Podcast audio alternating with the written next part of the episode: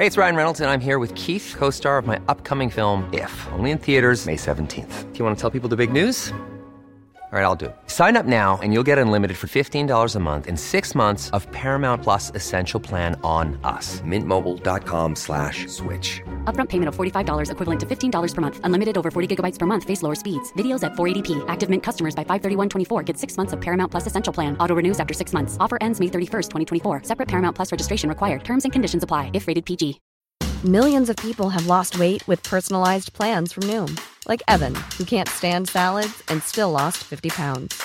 Salads, generally, for most people, are the easy button, right? For me, that wasn't an option. I never really was a salad guy. That's just not who I am.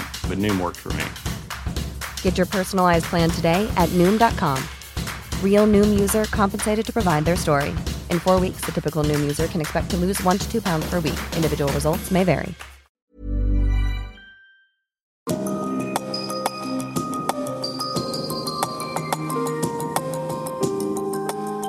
Du lytter til podkast fra Oslo Militære Samfunn.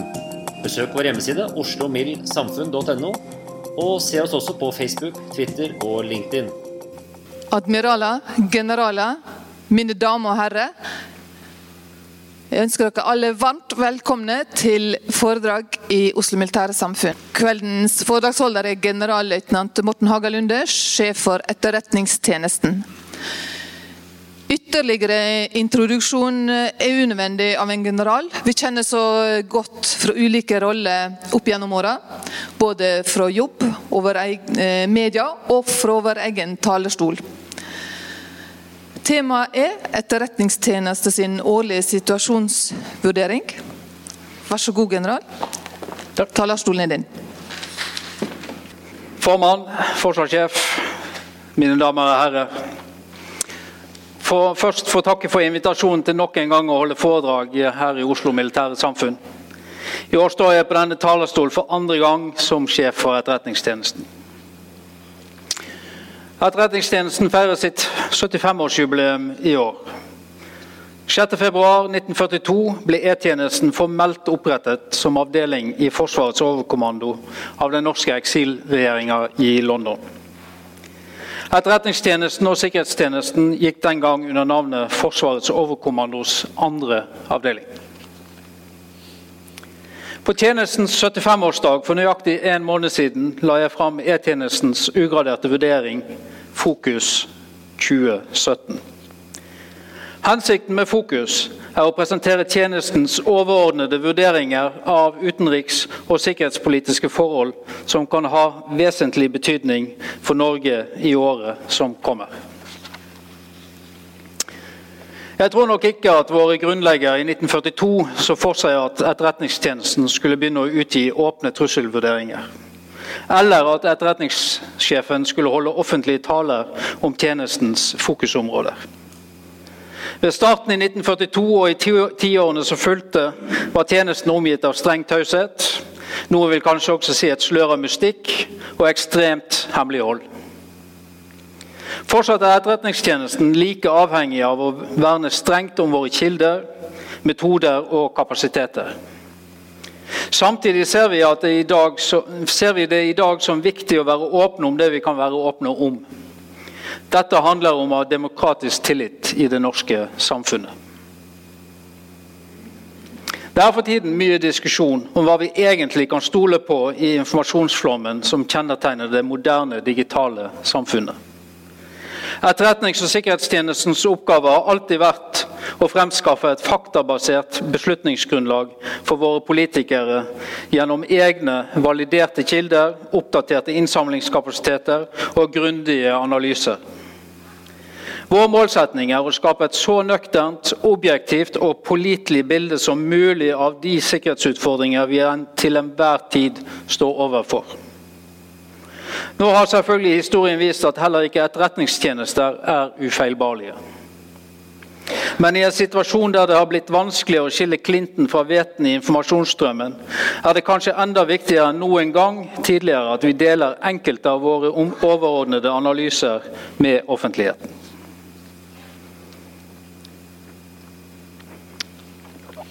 I fjorårets tale til denne salen pekte jeg på et krevende og utfordrende trusselbilde. Når vi nå har sett hvordan 2016 utviklet seg, tar jeg neppe munnen for full når jeg sier at situasjonen har blitt enda mer kompleks og uoversiktlig siden den gang. I Fokus 2017 peker vi på tre utviklingstrekk som vi mener er særlig relevant for Norge og norske interesser i året som kommer. For det første er truslene i digitale rom mot politiske, militære og økonomiske mål i Norge økende. Vi kan forvente omfattende etterretningsoperasjoner mot Norge i året som kommer. Fortsatt er aktører fra Russland og Kina de dominerende trusselaktørene mot Norge i det digitale rom. Amerikanske etterretningstjenester har som kjent også konkludert med at Russland gjennomførte omfattende operasjoner for å påvirke fjorårets presidentvalgkamp i USA. Dette kan innebære en utvikling der fremmede makter ikke lenger bare benytter sine nettverkskapasiteter til etterretningsformål, men i økende grad også som et redskap til å påvirke beslutninger, prosesser og holdninger i andre land. For det andre har terrortrusselen fra militante islamister generelt blitt mer alvorlig og kompleks. Tallet på terrorangrep i Europa øker, og de fleste av disse kan knyttes til ISIL. ISIL er riktignok i ferd med å bli svekket i Irak og Syria, men organisasjonens nettverk i Europa vil likevel være en betydelig trussel også i 2017. For det tredje har de geopolitiske motsetningene mellom Russland og Vesten økt markant i kjølvannet av konfliktene i Ukraina og Syria. Hendelser det siste året har ytterligere understreket at vi står overfor et militært styrket og sikkerhetspolitisk selvsikkert Russland. Som viser økt vilje og evne til å bruke både militære og ikke-militære virkemidler for å ivareta sine strategiske målsettinger. Et fellestrekk for dagens sikkerhetspolitiske utfordringer og trusler er at teknologiske elementer har blitt en stadig mer fremtredende del i dette bildet. Nyvinninger innenfor kommersielle krypterte løsninger gjør enkelte sosiale medier svært godt egnet til sikker kommunikasjon. Dette ble utnyttet av terroristene som sto bak terrorangrepene i Frankrike og Tyskland i 2016. ISIL rekrutterer også potensielle terrorister i Europa gjennom bruk av slike krypterte plattformer. At Russland har omfattende kapasiteter for digitale nettverksoperasjoner, er ikke nytt av året.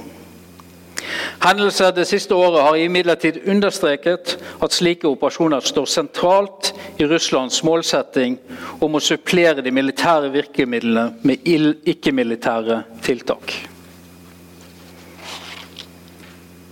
Jeg vil vie hoveddelen av dette foredraget til Russlands sammensatte virkemiddelbruk, da jeg mener denne er særlig egnet til å belyse de generelle utfordringene vi står overfor i dag.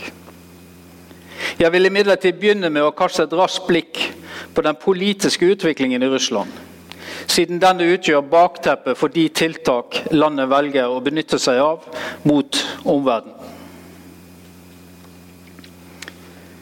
Hovedtendensen vi identifiserte i russisk innenriks- og utenrikspolitikk i fjor, ligger fast. Internt ser vi stor grad av politisk kontinuitet.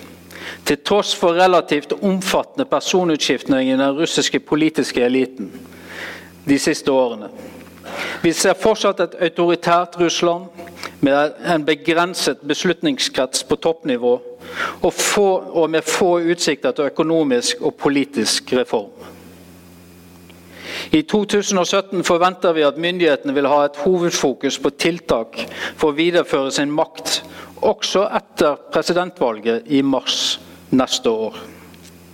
Det meste tyder på at de vil lykkes med dette.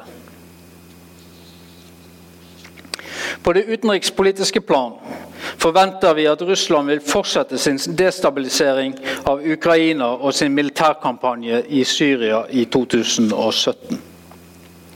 Samtidig har Russlands vurdering av den nye amerikanske administrasjonen stor innvirkning på Russlands egen utenrikspolitiske kurs.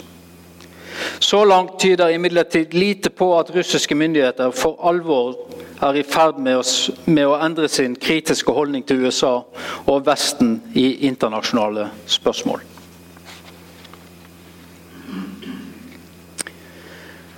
Moskvas viktigste strategiske målsetninger er fortsatt å opprettholde myndighetenes interne kontroll, å styrke Russlands kontroll over sitt nære utland og å sikre og forsterke landets globale stormaktsstatus. Det er en nær sammenheng mellom disse målsetningene og Russlands ønske om å svekke EU og Nato.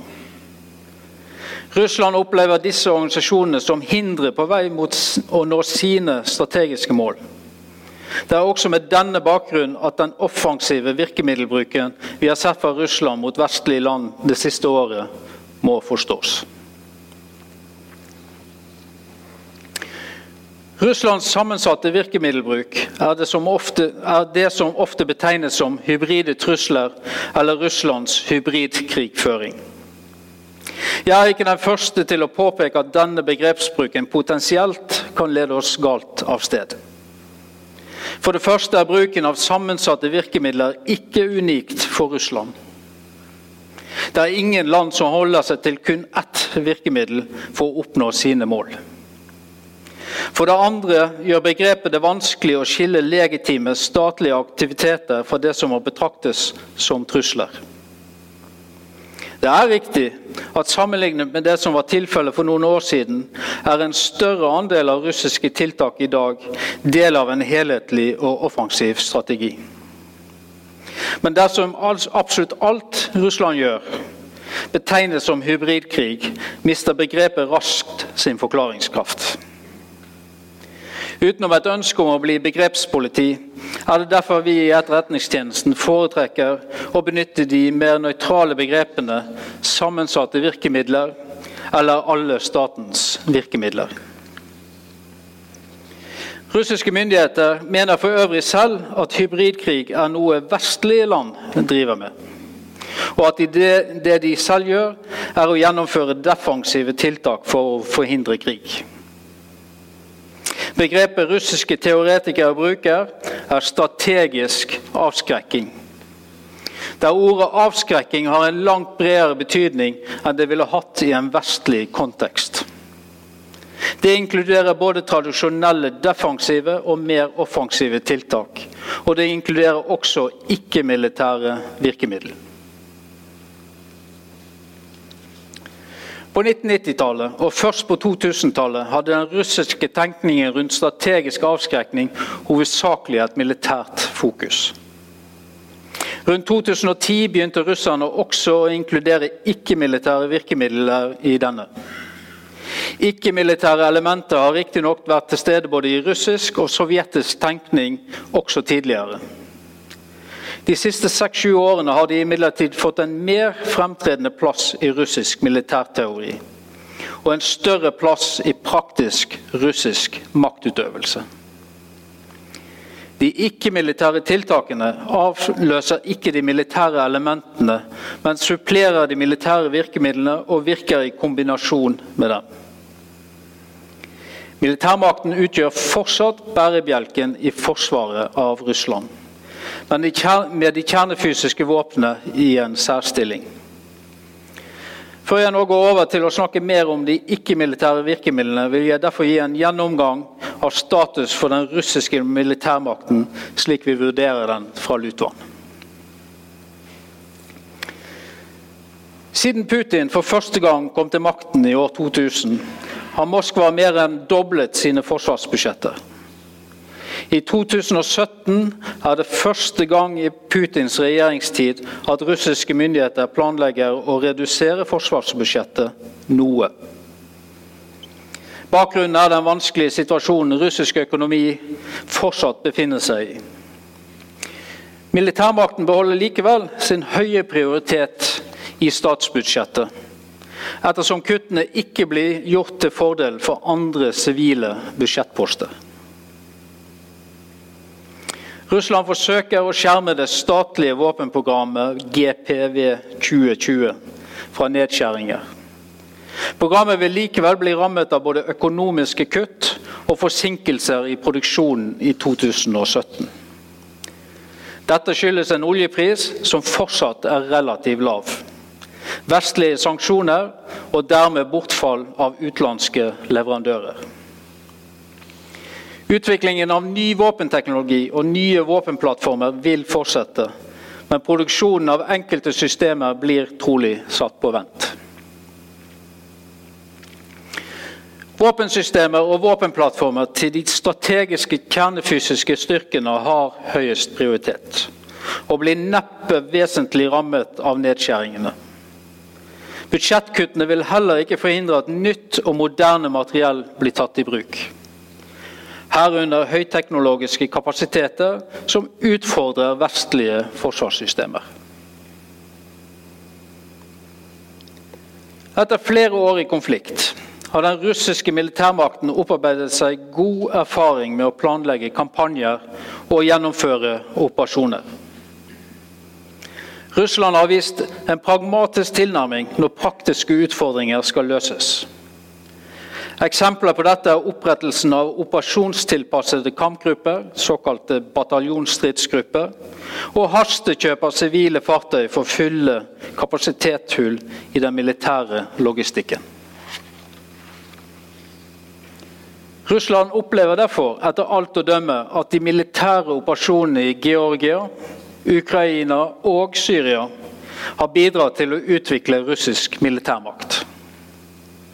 Flere erfaringer fra disse konfliktene har overføringsverdi til fremtidige kampanjer og operasjoner. Evnen til overraskelse og rask styrkeoverføring forutsetter en robust strategisk transportkapasitet. Styrker med lav reaksjonstid og systematiske tiltak som skjuler aktiviteten knyttet til overføringen. Disse kapasitetene har blitt forbedret gjennom modernisering og reformer de siste fem til seks årene. I både Ukraina-konflikten og Syria-operasjonen har Russland vist økt evne til å koordinere sivile og militære virkemidler. Virkemidlene inkluderer alt fra fornektelse og desinformasjon på høyeste politiske nivå til skjulte overføringer gjennom tildekt materiell og fjerning av kjevnemerker. Slike tiltak skaper internasjonal usikkerhet rundt omfanget av og formålet med det russiske engasjementet. Denne utviklingen vil trolig fortsette i årene som kommer. Et annet aspekt ved de russiske utenlandsoperasjonene er at de har skapt en arena for å prøve ut demonstrere og markedsføre nytt materiell. Langtrekkende presisjonsvåpen inngår i det som Russland selv kaller ikke-kjernefysisk strategisk avskrekking. Både sjøbaserte og kryssermissiler unnskyld, både sjøbaserte landmålmissiler og kryssermissiler levert av langtrekkende bombefly ble for første gang benyttet i en kampsituasjon høsten 2015. Da mot mål i Syria.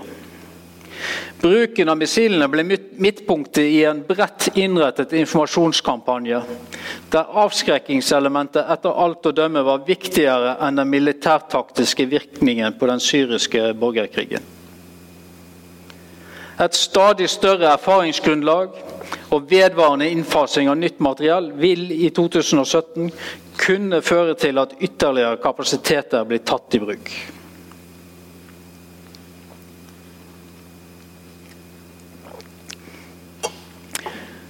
Russlands anvendelse av militærmakt i Syria har også overføringsverdi til Norges nærområder. Nordvest-Russland, inkludert Kolahalvøya og de arktiske områdene, er avgjørende for Russlands evne til å prosjisere makt.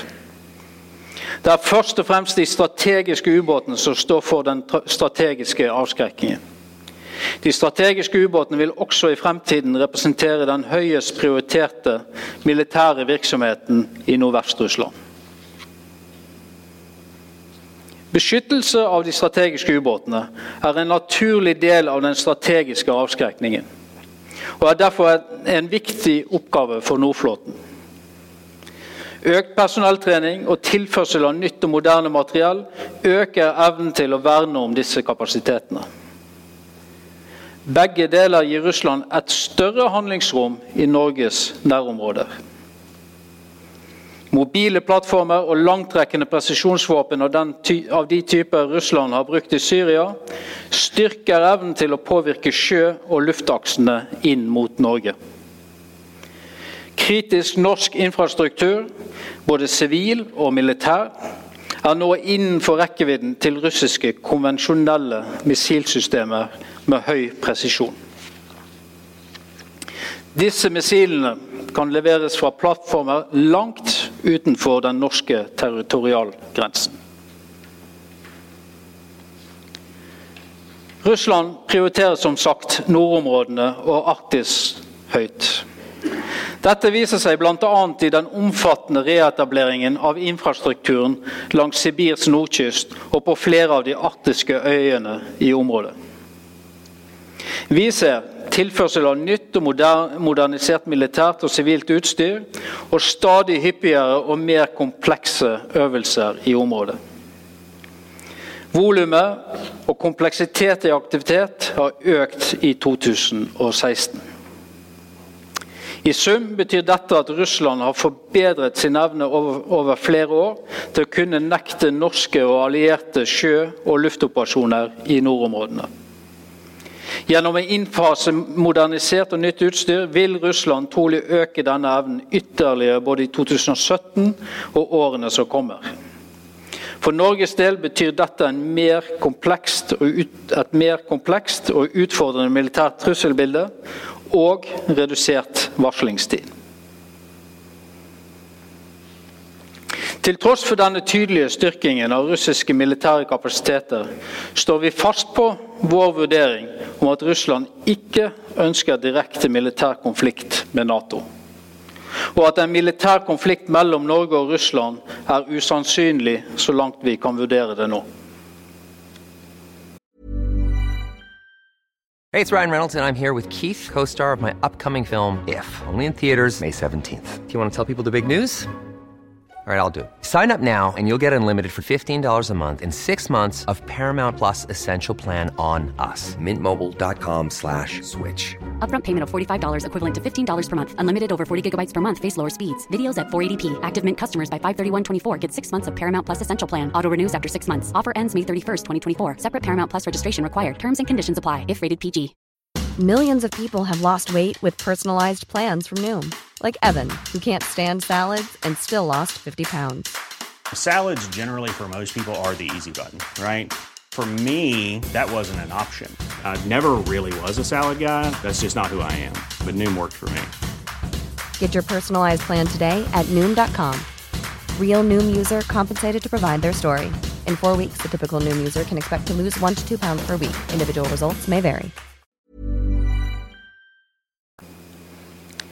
Samtidig står vi overfor et Russland som ser på internasjonal politikk som et nullsumspill, og som viser evne og vilje til å benytte en rekke ulike virkemidler for å oppnå sine målsettinger. Militærmakten utgjør kun én søyle av de maktmidler som Russland besitter. Den andre søylen er, som jeg var inne på tidligere, en rekke ikke-militære virkemidler som gir Russland mulighet til å ramme og påvirke motstandere uten at situasjonen eskalerer, eskalerer til militær konfrontasjon. Jeg vil nå trekke frem de ikke-militære virkemidlene vi anser for å være de mest sentrale.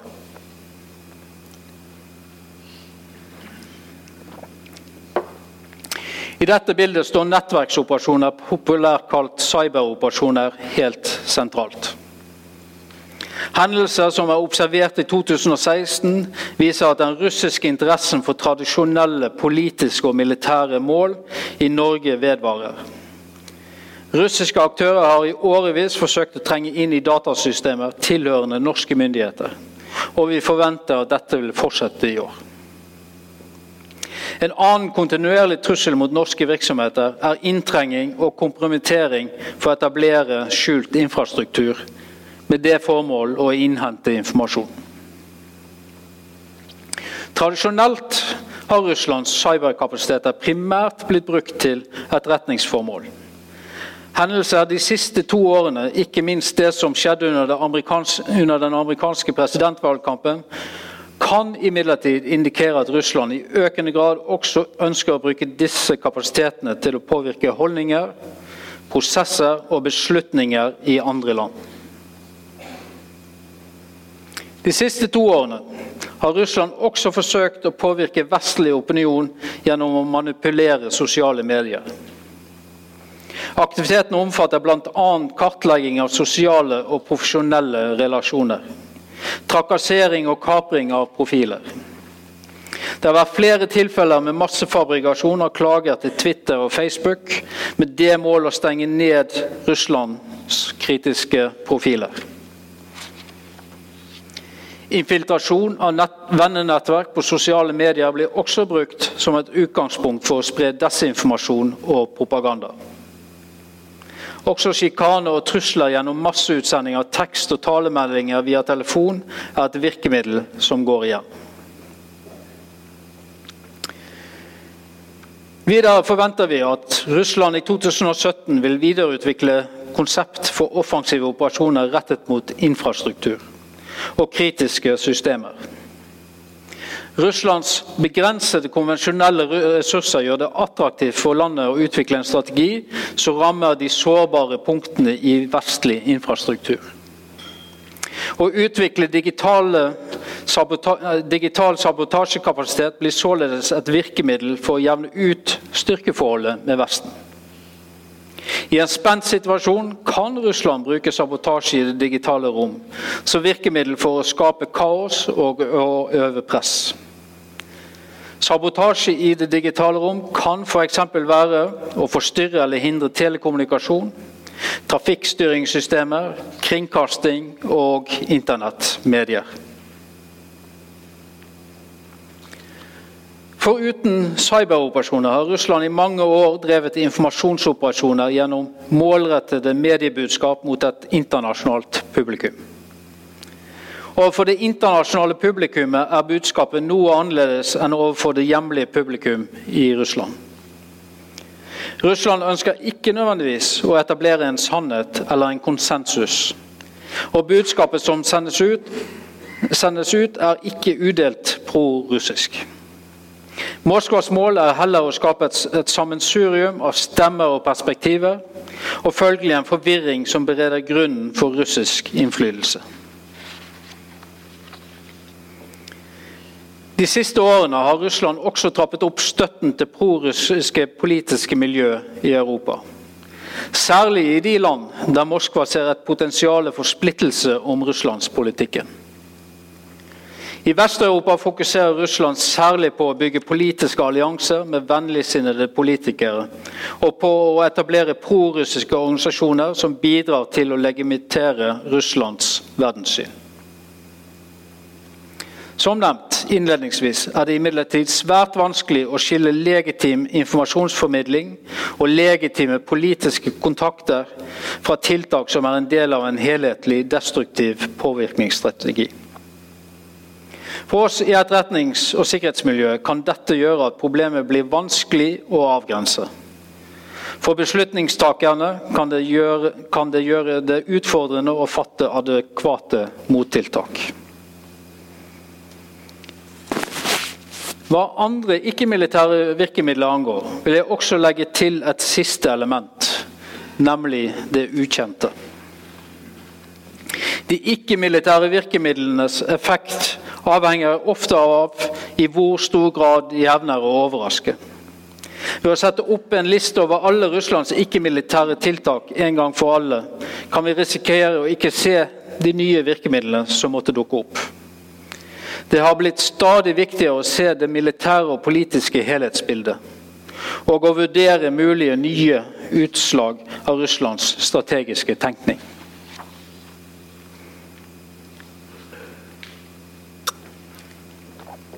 Russlands ikke-militære virkemiddelbruk innebærer allikevel åpenbare utfordringer for vestlige land. Kapasitetene og aktivitetene jeg nettopp har beskrevet, taler for seg. Russlands autoritære politiske system og begrensede beslutningskrets på toppnivå gjør det dessuten mulig for russiske myndigheter å fatte raske beslutninger om å ta dem i bruk. Nettverksoperasjoner, informasjonskampanjer og politisk alliansebygging er i tillegg relativt kosteffektive virkemidler, noe som gjør det politisk enklere å iverksette dem. Og sist, men ikke minst, er dette aktiviteter som ikke utløser Natos artikkel 5. Russland har med andre ord flere virkemidler til rådighet som man kan benytte uten å risikere militær konfrontasjon med Nato.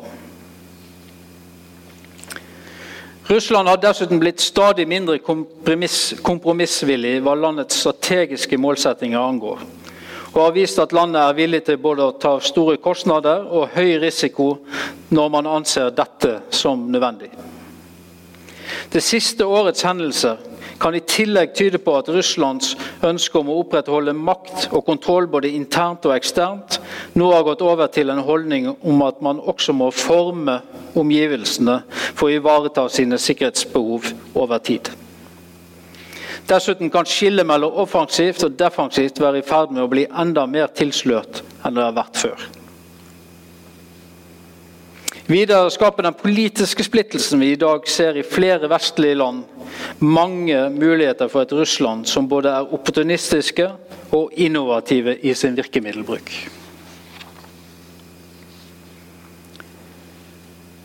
Med dette bakteppet er det kanskje noe overraskende at jeg også vil advare mot å overdrive Russlands evne til å påvirke oss. Dagens mediebilde skaper tidvis et inntrykk av Russland som en massiv og konsolidert trussel fra øst og et bilde av at alle landets virkemidler er effektive, sømløst koordinert og en del av en gjennomtenkt strategi. Faren med et slikt inntrykk er at det lett kan bli et selvoppfyllende profeti som tjener Moskvas interesser. Russland er riktignok mer sentralisert og konsolidert enn det som var tilfellet for noen år siden. Men fullstendig enhetlig er landet fortsatt ikke. Dersom vi tillegger Russland større evne enn det er grunnlag for, risikerer vi også å gi landet større vekt enn vi egentlig behøver. Vi bør huske på at en sentral del av Moskvas strategiske kommunikasjon overfor omverdenen er å skape et bilde av Russland som sterkt og kapabelt. Også når virkeligheten er langt mer nyansert. Det er flere svakheter ved Russlands ikke-militære virkemiddelbruk. Der det f.eks. er et relativt veletablert doktrinelt rammeverk rundt Russlands bruk av militærmakt, er det teoretiske rammeverket for Russlands bruk av ikke-militære virkemiddel foreløpig mindre utviklet. Dette gjør at russiske ikke-militære tiltak kan framstå som tilfeldige og aggressive for omverdenen, og snarere bringe landet i vanry enn å gi det økt innflytelse. Dessuten vil kontekst være vesentlig for effekten av Russlands tiltak. Aggressive russiske informasjonsoperasjoner fungerte godt på Krim, der befolkningen var russiskspråklig og til dels russlandsvennlig. I Vesten er de nok, tross alt, generelt mindre effektive. Et eksempel på dette er meningsmålinger foretatt i årene etter Ukraina-krisen disse viste at den europeiske befolkningens syn på Russland var blitt langt mer negativt enn det var før krisen. Til tross for russiske informasjonsoperasjoner og forsøk på politisk alliansebygging. Generelt sett er det nok fortsatt slik at Russland har begrenset evne til å regissere den politiske utviklingen i Vesten. Det vi ser, er heller at landet aktivt utnytter de mulighetene som oppstår. I tillegg er det flere av Russlands virkemidler som vil være vanskelig å benytte mer enn én gang. Jeg skal ikke stå her og avblåse faren for at Russland igjen kan komme til å bruke spesialstyrker uten kjennetegn i en fremtidig konflikt. Men det er kanskje ikke åpenbart at slike små, grønne menn vil fungere like bra en gang til som de gjorde under anneksjonen av Krim. Ettersom man nå bl.a. er langt mer forberedt på at en slik situasjon kan oppstå.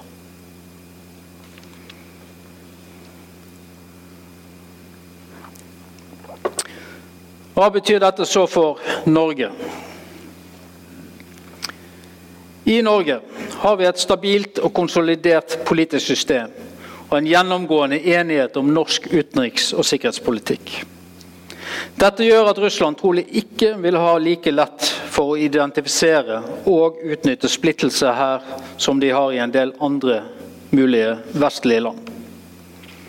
Vi er heller ikke et prioritert mål for Russland i bilateral forstand. På den andre siden er vi medlem av Nato og alliert med USA. Noe som i ulike sammenhenger kan sette oss i Russlands søkelys. Moskva vil være særlig kritisk til f.eks. norsk deltakelse i missilforsvaret, eller ved eventuelle endringer i norsk basepolitikk. Dette reflekteres bl.a. i utspillene som har kommet fra den russiske ambassaden i de siste ukene. En annen åpenbar sårbarhet for Norge er at Russland aktivt utnytter politiske splittelser hos nære allierte som Norge er avhengig av. I 2017 skal det holdes valg i flere sentrale vesteuropeiske land, og det kan ikke utelukkes at Russland vil forsøke å påvirke disse.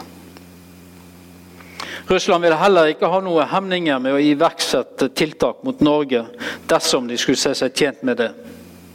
Kapasiteten til å gjøre det har Russland allerede, og intensjoner kan som kjent endres raskt.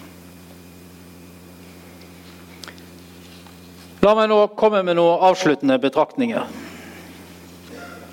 Når det gjelder Russlands ikke-militære virkemidler, har enkelte hevdet at god teknologisk ekspertise et stabilt politisk system og en fri og kritisk presse er det beste forsvar. Det er jeg enig i.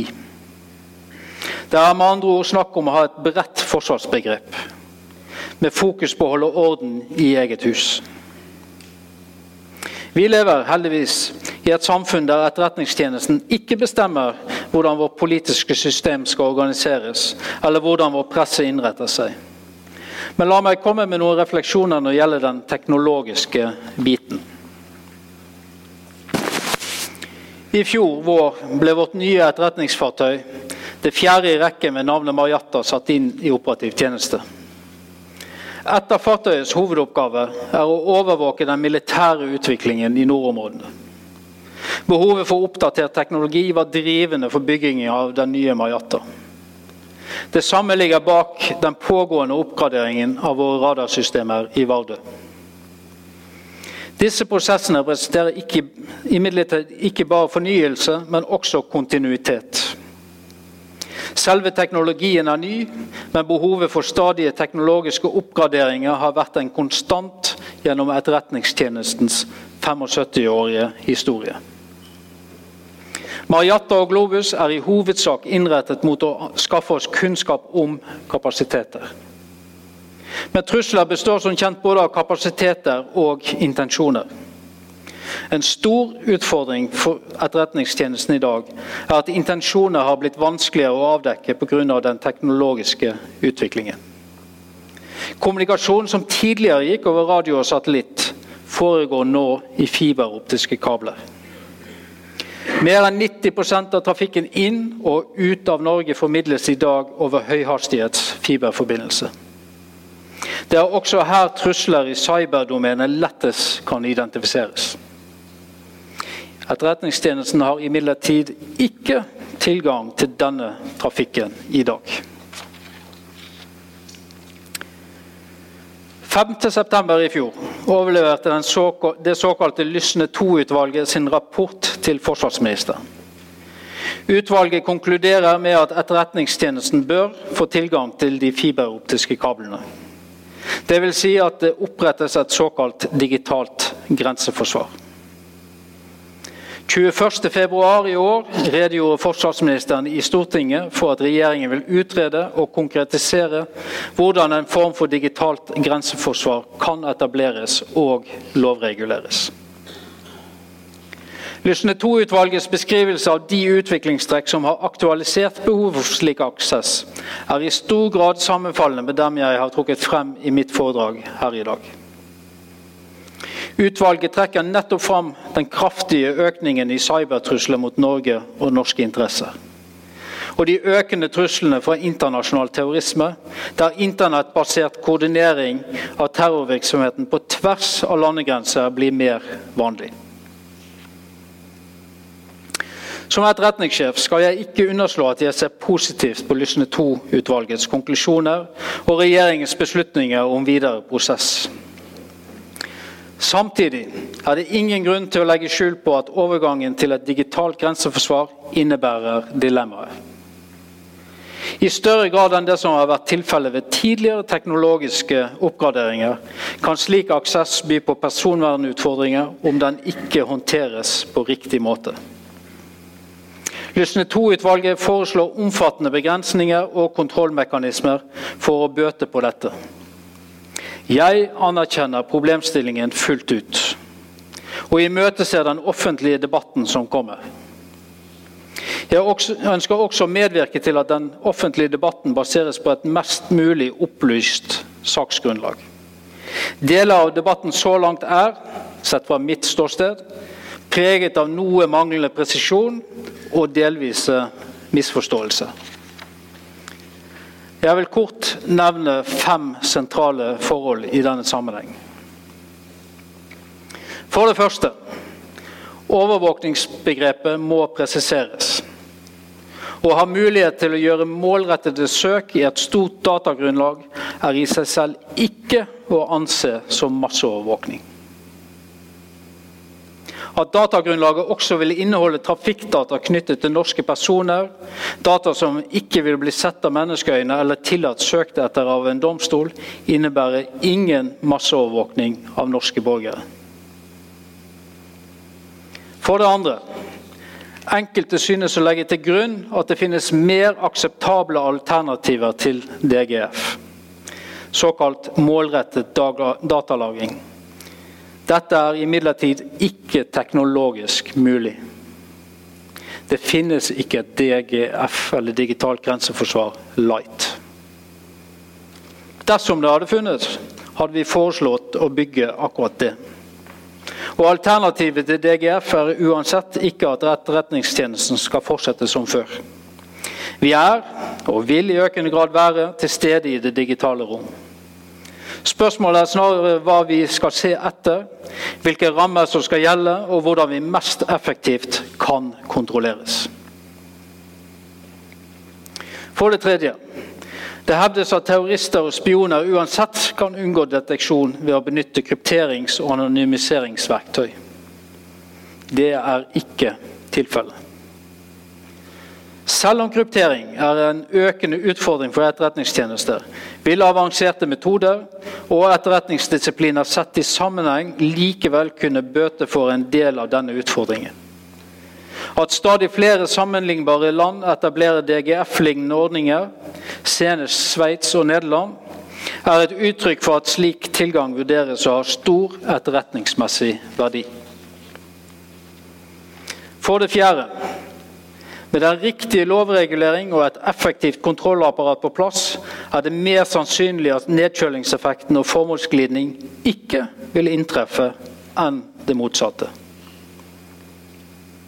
Og til slutt EU-domstolen har ikke avgjort at datalagring for utenlandsetterretningsformål er i strid med menneskerettighetene. Avgjørelsen fra domstolen gjaldt pålegg til tjenestetilbydere om å lagre dataforbruk av politiet til oppklaring av kriminalitet. Utenlandsetterretning skiller seg fra dette på flere måter.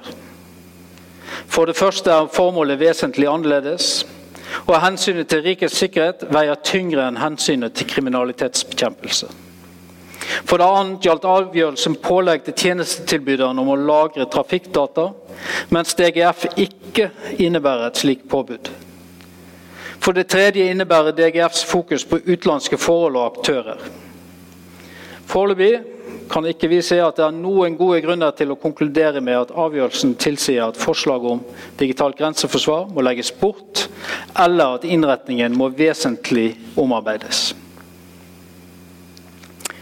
Jeg ser det som min oppgave å påpeke at uten et digitalt grenseforsvar i en eller annen form, vil det bli stadig vanskeligere for Etterretningstjenesten på en tilfredsstillende måte å utføre den jobben myndighetene har pålagt oss. Etterretningstjenestens ambisjon er å levere rettidig, relevant og pålitelig informasjon til våre beslutningstakere. Uten et fornuftig innrettet digitalt grenseforsvar vil det i dagens situasjon være vanskelig å være rettidig, fordi vi har, vil ha mindre evne til å fange opp trusler og sikkerhetsutfordringer før de materialiserer seg. Vi blir mindre relevante fordi vi ikke er der trusselaktørene kommuniserer seg imellom. Og vi blir mindre pålitelige fordi vi vil ha, et, ha, svekket mulighet til å få tak i informasjonsbiter som kan styrke eller svekke våre stående vurderinger. I en verden der våre motstandere beveger seg inn i nye rom, er vi nødt til å følge etter. Hvis ikke så blir det litt som å lete etter nøkkelen under gatelykten bare fordi at det er lys der, ikke fordi at det var der vi mista nøkkelen. Motsatt vil nye teknologiske tilganger med de beskantninger som seg hører og bør i et demokratisk samfunn, både være i tråd med de beste tradisjoner i Etterretningstjenestens nå 75-årige historie, og gjøre oss betydelig bedre rustet til å møte de sikkerhetsutfordringene og truslene jeg i dag har beskrevet. Takk for oppmerksomheten.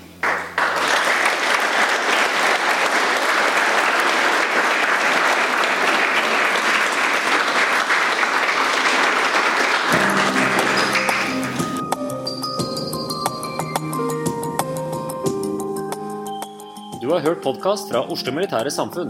Besøk vår hjemmeside oslomildsamfunn.no, og besøk oss gjerne på sosiale medier som Facebook, Twitter og LinkedIn.